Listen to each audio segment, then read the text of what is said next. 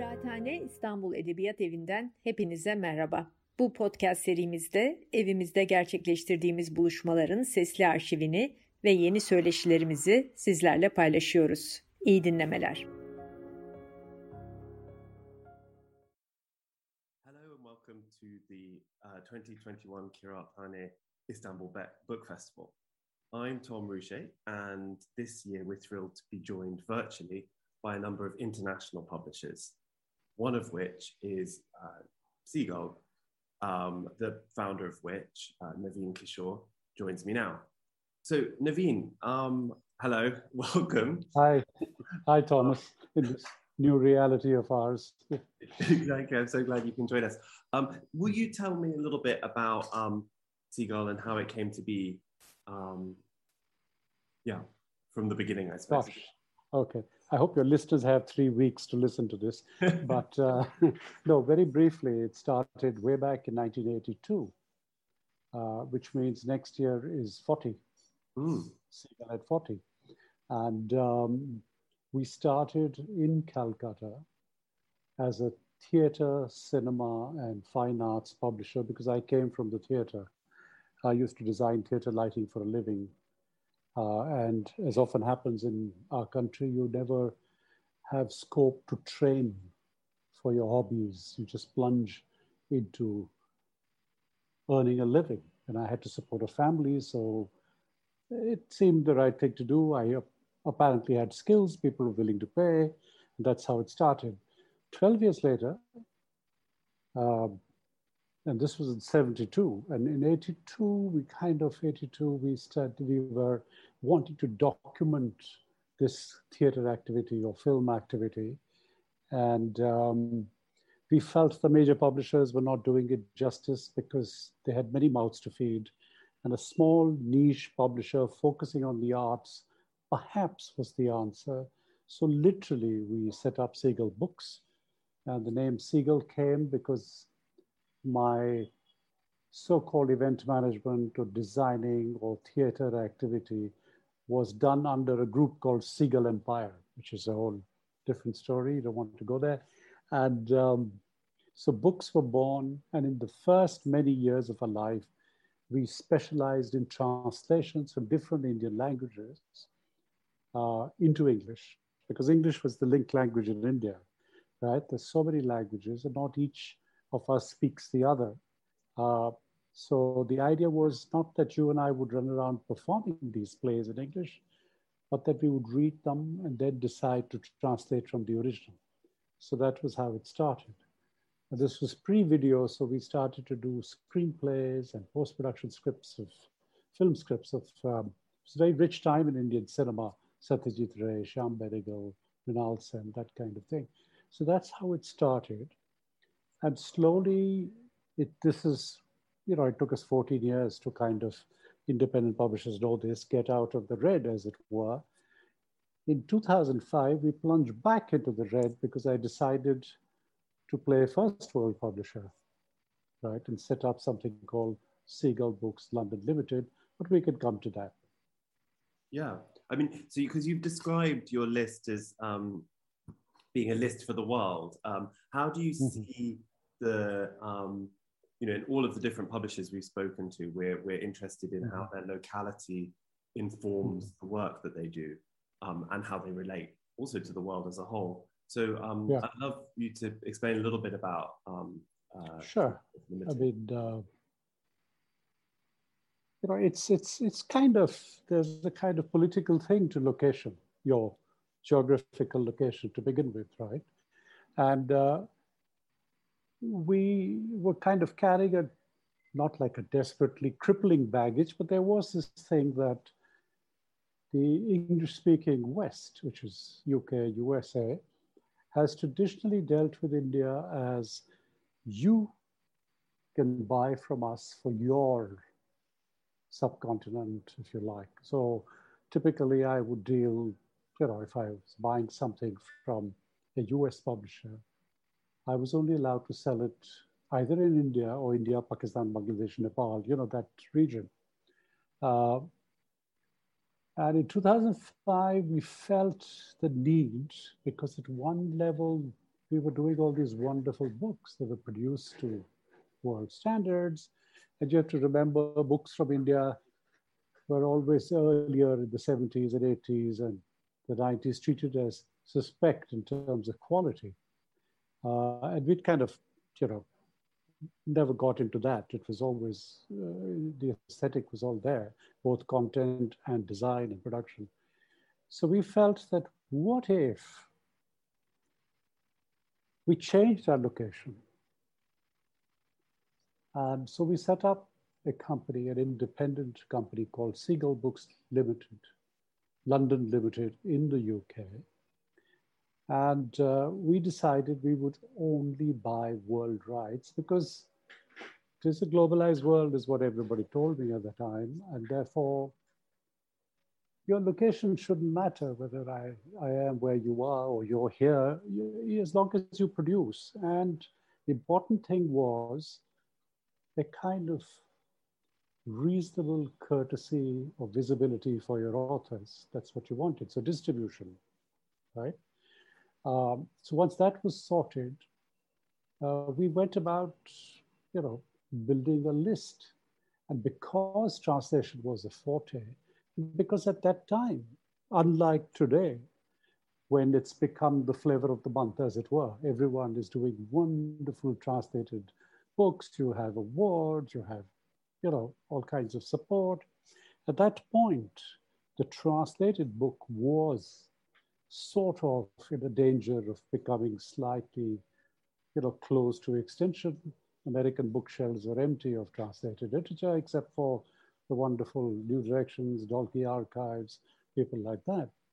Um, and of course, university presses of a certain kind, whose mandate was also changing. So we felt the timing was right. So I turned to translated literature, so French, German, Italian, African, Arab, that kind of stuff slowly. And we, to cut it short, we're now almost 500 books old where we own world rights for all of these. We're distributed by the University of Chicago Press. So suddenly, because of the location change, everybody wanted to work with you and distribute you, which was not possible where you were, right? Mm. Uh, so for us, it was also learning on the job again, because you learned how to deal with the international community and for this community to understand. So for example, typically Gallimard and Suhrkamp archives I was familiar with as a young person who used to read their translations when they were being done more vigorously.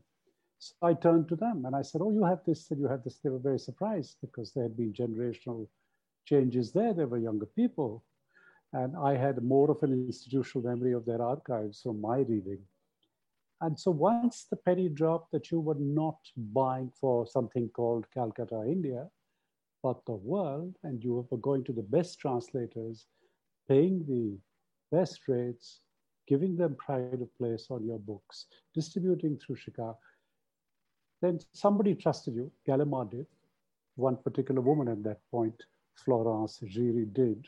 And we did 22 books on the trot. And once the books came out looking so good, uh, you know, that's it. It, it sort of set you going. Yeah.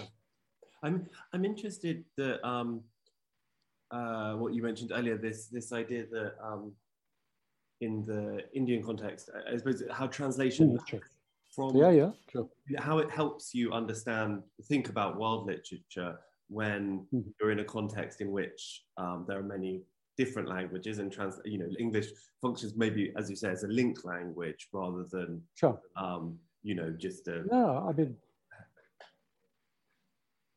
well typically a conversation around uh, growing up mm-hmm. younger Naveen table at home would be a grandmother who would have come from undivided India, therefore Lahore, mm and a father and a mother also from across the border who may have come in as refugees and made a life here.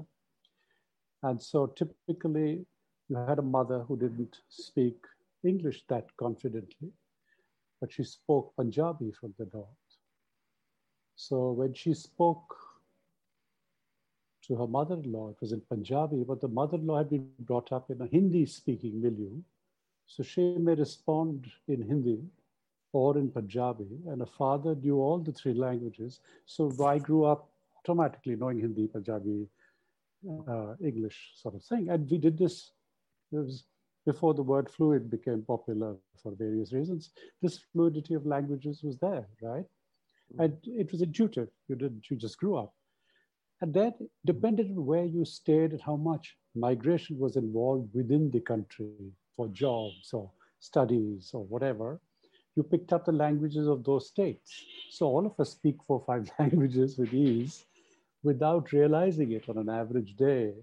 If you and I were talking and we were fluent, you know, let's say an imagined European situation where we know four or five languages and we go in and out of our conversations English to French or little joke in Italian. It was exactly like that. It was a kind of intuitive thing. And therefore, you, it was much later through education, through your reading, that you started to discover the nuances of these languages through its literature. Mm. But so for us, translation was second skin in a sense, right? And you practiced it. In, in sort of, it was not just some something you did professionally. Mm. And so the natural thing to do as people who had come from a performance side of theater was we wanted different people to discover wonderful theater in different languages. It was, you know, and transporting that to a world thing where small town in Germany, the condition is as human as a small village in India. So you wanted the connect was the when people ask me, what is it that binds your list? I say, it's the human condition. So it's a very mm. broad thing, something that rings a chord, right? So we have this absolutely wonderful growing uh, Arab list, for example, right? Mm. And uh, it's, it's absolutely amazing the, the, the kind of language spillovers from the Arabic to a certain growing up in a certain Urdu Persian Hindi speaking uh, environment, right? So, mm. yeah.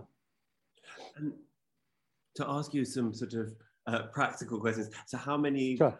Do you typically publish in a year, and how does it break down in terms of genre, sure. so to speak? Yeah. Well, uh, well, there's no rigidity of, uh, you know, that you have to do so many, this many languages. It's, it's really a, a, kind of ongoing thing because you're commissioning translations and you're commissioning English language works. And, you know, so as and when they start to get ready, and depending on your contractual commitments, you, you sort of set out your two seasons. Your seasons are dependent on your distributor cycle, which is autumn and fall and spring.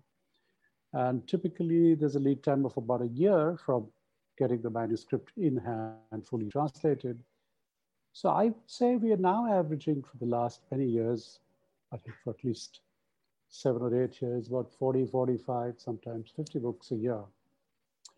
You know, and then the pandemic happens, and then even though you may appear to have the capability in terms of content, you're stuck for many reasons, practical reasons. Printing press is not happening, paper shortages are happening, shippers are not able to ship. So you're discovering a new way of doing books. You start printing some in America to ship to the warehouse some in Australia something. So you're getting rid of the uncertainty that this pandemic has brought about for an encounter at customs, which may end up, you know, books lying in some port somewhere for four weeks. Mm. So to so we are learning different ways of doing it, like we're learning to go online uh, in a much more vigorous manner, like everybody else. But there's a whole, uh, you know, uh, the thing is to keep doing it because the chain will, I think, remain fractured. Uh, and despite that, there are success stories of certain books doing much better through closures, through everything, which is wonderful.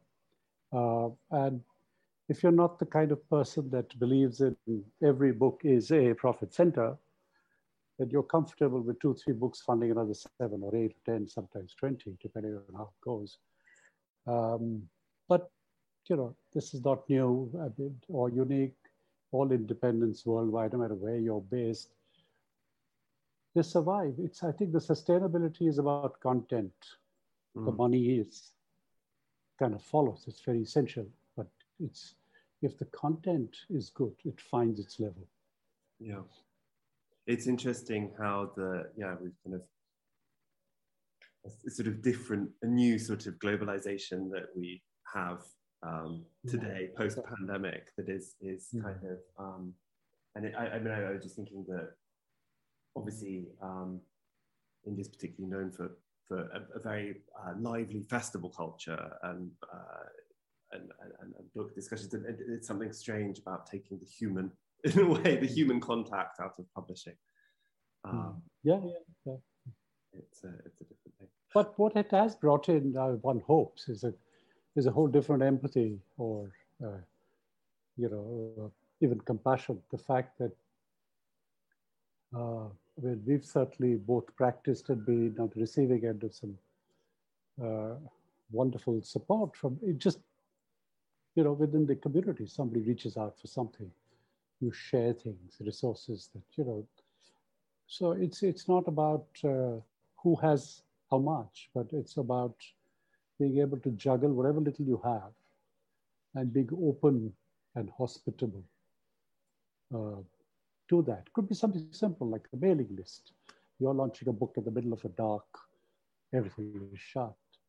And, you know, somebody reaches out and say, here, let me extend this further by another 30,000. Give me your mailer, you know. So it could be something simple like that. But there are different ways, I think, of being community. And that's very important because this is still one of those wonderful uh, lives rather than professions where it's not a cutthroat competition. I'm not stealing Thomas from one publisher and, you know, making my millions. And, you know, I could, but I don't know how. So you know, I, I think there is a kind of togetherness. You may not meet each other for a long time. You may not even have direct compatibilities of sharing, and yet there is a kind of openness which I've discovered, which mm. is wonderful. We yeah, with Fiona, we were talking a lot about the the capacity of an independent publisher rather than the big behemoths mm-hmm. to sort of mm-hmm. um, to create new spaces, to give voice space for, for new voices, to and to sure. thereby change the wider um, yeah, context. yeah. Oh, totally, totally, yeah, yeah. Well, all right. Sorry, go ahead. No, no, you go ahead, please. No, no, I, I was just yeah, please. No, I was just going to say um, uh, I didn't want to um, take up much more of your time, but I mean, if you could just let us know a couple of the books that you're particularly excited for in the coming in the coming um, good lord although i know it's like choosing between children you know it's a terrible yeah, yeah. actually there's this uh, very briefly there's a very interesting uh, this links up to location if you have the time and um, what i like saying you know a kind of uh, upsetting the status quo so there are these two books which have a story one is called Shades of Black, and one is called Blind Spot. Both of them are of a new series called Quilombola. Google the word, it has a story, right? And um, it's a series edited by one of our wonderful Cameroonian French writers, Léonora Miano. And the interesting thing is that this is a series that should have probably originated in France because 90% of the writing is in French, right? But mm-hmm. through a series of accidents, it fell into our lap and we own all the rights and we are now selling it back to the French, the original thing, right? And we're selling it to Germans and Italians. And so this is creating its own challenges because you're not a French publisher, but you're writing a French publisher, a French book, by an author they know well, who's your series editor, and there's this Franco-African writing, which is all political essays and stuff. Uh, and these two books in particular have just come out, uh, and they're wonderful because Shades of Black falls slap bang accidentally into the whole Black Lives Matter, so that we had to delay its publication so the author could catch up on the whole election thing because Kamala Harris features in it, as mm. is Barack Obama. You know, and so there's there's a blind spot, and these are people who there are hierarchies that I am familiar with in the Indian caste system, mm. but that it exists within the Black community from Afro Americans to, mm. say, Ethiopian or somebody of half French and half Cameroonian. So there's a kind of very interesting how that plays out. So these two books I'm particularly excited with, both nonfiction, uh, where we're planning various kinds of um, events around. Um, we have been doing them online now. So in some strange way, it's interesting because you're doing, you could do something at Seminary Co-op in Chicago and then do something in City Lights and then move to Seattle at the Elliott Bay Book Company, something you couldn't imagine financially possible you know, in the old way. So yeah, well, everything has its own way of, as, as Fiona said, creating spaces, you know. Mm. That's brilliant. Well, thank you so much for, for, for joining us and for, for sharing your time. It's been really, really a pleasure. Um, thank you so much. Goodbye. Thank you, Thomas. And take care and all the best for the festival.